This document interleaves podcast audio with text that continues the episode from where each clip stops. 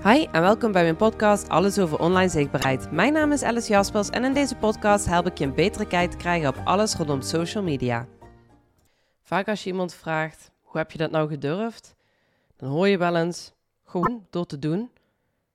Maar ja, dat gewoon doen, dat gaat vaak niet zo makkelijk als dat het lijkt.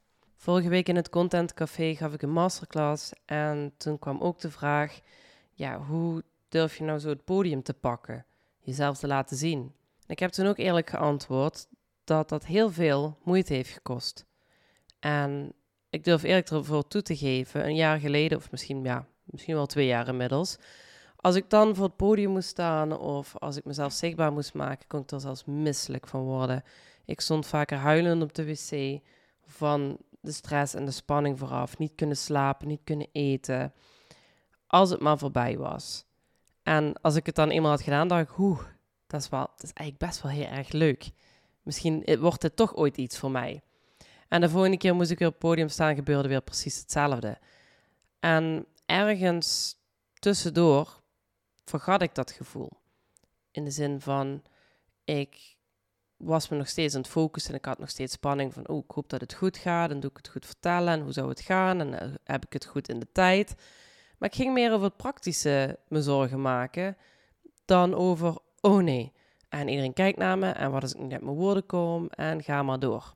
Ik was net buiten met mijn zoontje en hij is bijna vijf en die heeft altijd um, moeite gehad met trappers gebruiken.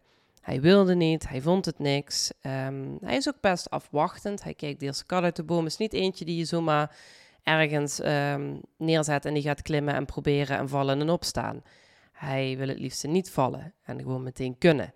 En dat herken ik, want dat heb ik ook. Ik wil ook het liefst alles meteen kunnen. En we hebben vaker geprobeerd om hem aan het fietsen te krijgen of um, de trappers te gebruiken op eventueel een tractor of dergelijke.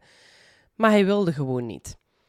En we hebben het een tijd losgelaten. We hadden zoiets van, nou ja, we kunnen hem wel pushen, maar hij wil het nog niet. Het komt misschien wel vanzelf. En nou is de hele winterperiode geweest.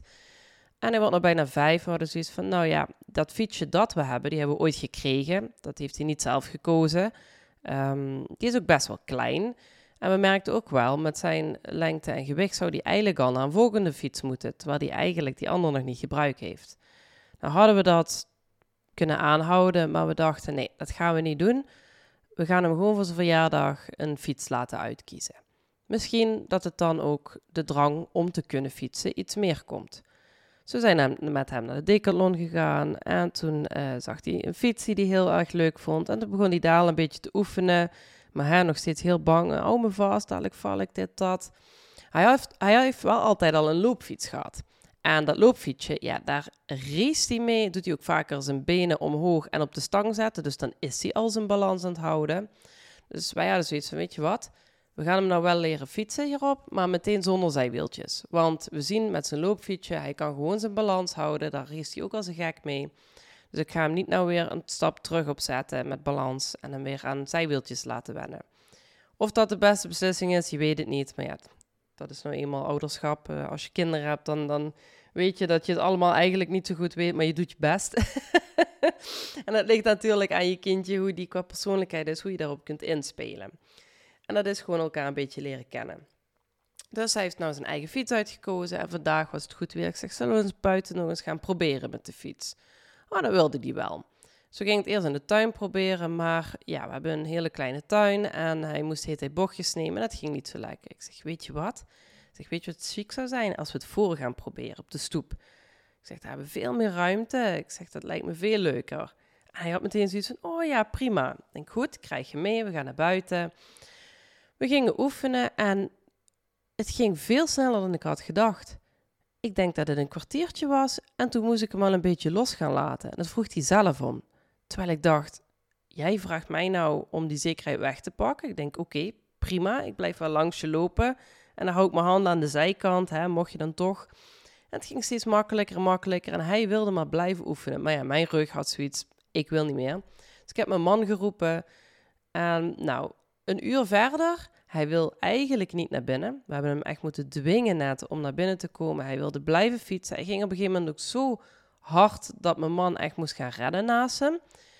En hij werd nog amper vastgehouden. Terwijl ik denk, vanmorgen kon hij dat allemaal nog niet. En misschien een week geleden, toen we die fiets nog niet hadden gekocht, wilde die dat niet eens. En dat liet me ook weer denken. Want dat gewoon doen, wat iedereen zegt, heeft eigenlijk met wilskracht te maken. Wil je doen? Waarom wil je doen? Het zijn keuzes. Want je kan ook ervoor kiezen om hetgene niet te doen. Zeg bijvoorbeeld je social media en jezelf laten zien. Je kunt ervoor kiezen om dat niet te doen. Welke consequenties hangen daaraan? En wat kun je krijgen als je het wel gaat doen?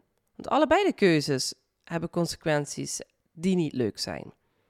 Laat jij je als ondernemer niet zien online, dan is het dus veel lastiger voor jou om connectie te maken met je publiek.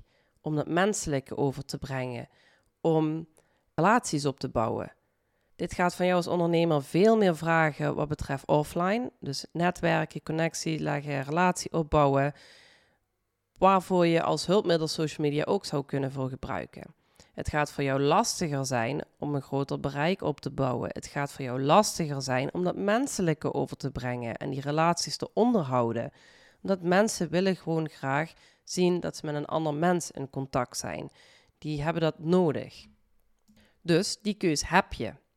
De vraag is: wil jij die pijn dragen van al die extra moeite die je zal moeten doen?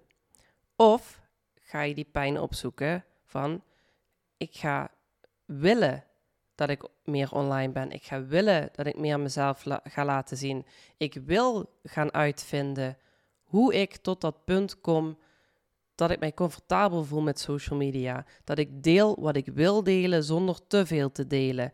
Dat ik zie dat het effect heeft. En wanneer je weet waarvoor je doet en dat je het ook wil, dan is het de vraag: ga ik dit alleen uitzoeken? Dat kan. Ik had mijn zoontje ook net die fiets kunnen geven en kunnen zeggen: Nou, ga maar oefenen, succes. Ik denk niet dat hij een uur later nog op de fiets was geweest en zo door de straat was aan het racen als net. Ik denk dat hij binnen twee, drie minuten het had opgegeven en had gedacht: wat een stomme fiets en ik kan dit niet en dit is niks voor mij en laat maar zitten. En dan waren we een stuk verder weg geweest. En wat ik dus hoop met bijvoorbeeld deze podcast, mijn webinars, mijn workshops, maar ook mijn coachingstraject, is dat ik die persoon naast je kan zijn. Die kan zorgen dat je durft op te stappen op die fiets. Dat je durft te gaan trappen.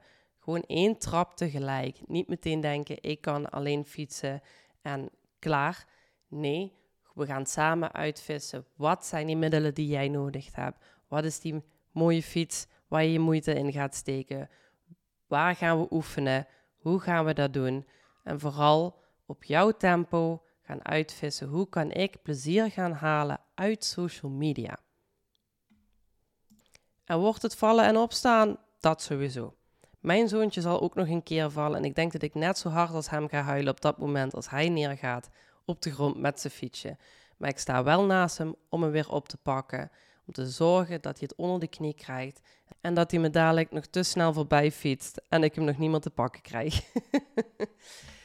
dus wil jij nou ook zichtbaarder jezelf gaan zijn online, wil je jezelf gaan laten zien, maar heb je gewoon even iemand naast je nodig die op dat punt gaat brengen dat jij zonder angst kunt gaan posten en ook nog resultaat gaat halen uit wat je doet, dan zit ik voor je klaar. En ga gewoon met mij een keer lekker wat koffie drinken of thee, ik drink het beide. Plan een online afspraak in. Laten gewoon eens even samen kletsen over wat hetgeen is wat jij nou nodig hebt en hoe we jou gaan brengen tot een punt waarop jij zichtbaar jezelf bent, online en er ook nog plezier uit gaat halen. Wil je meer leren over hoe je jouw weg in online zichtbaarheid kunt vinden? Volg me dan via social media, laat me je bevindingen weten in een DM en vergeet je niet te abonneren zodat je melding krijgt wanneer de volgende aflevering beschikbaar is.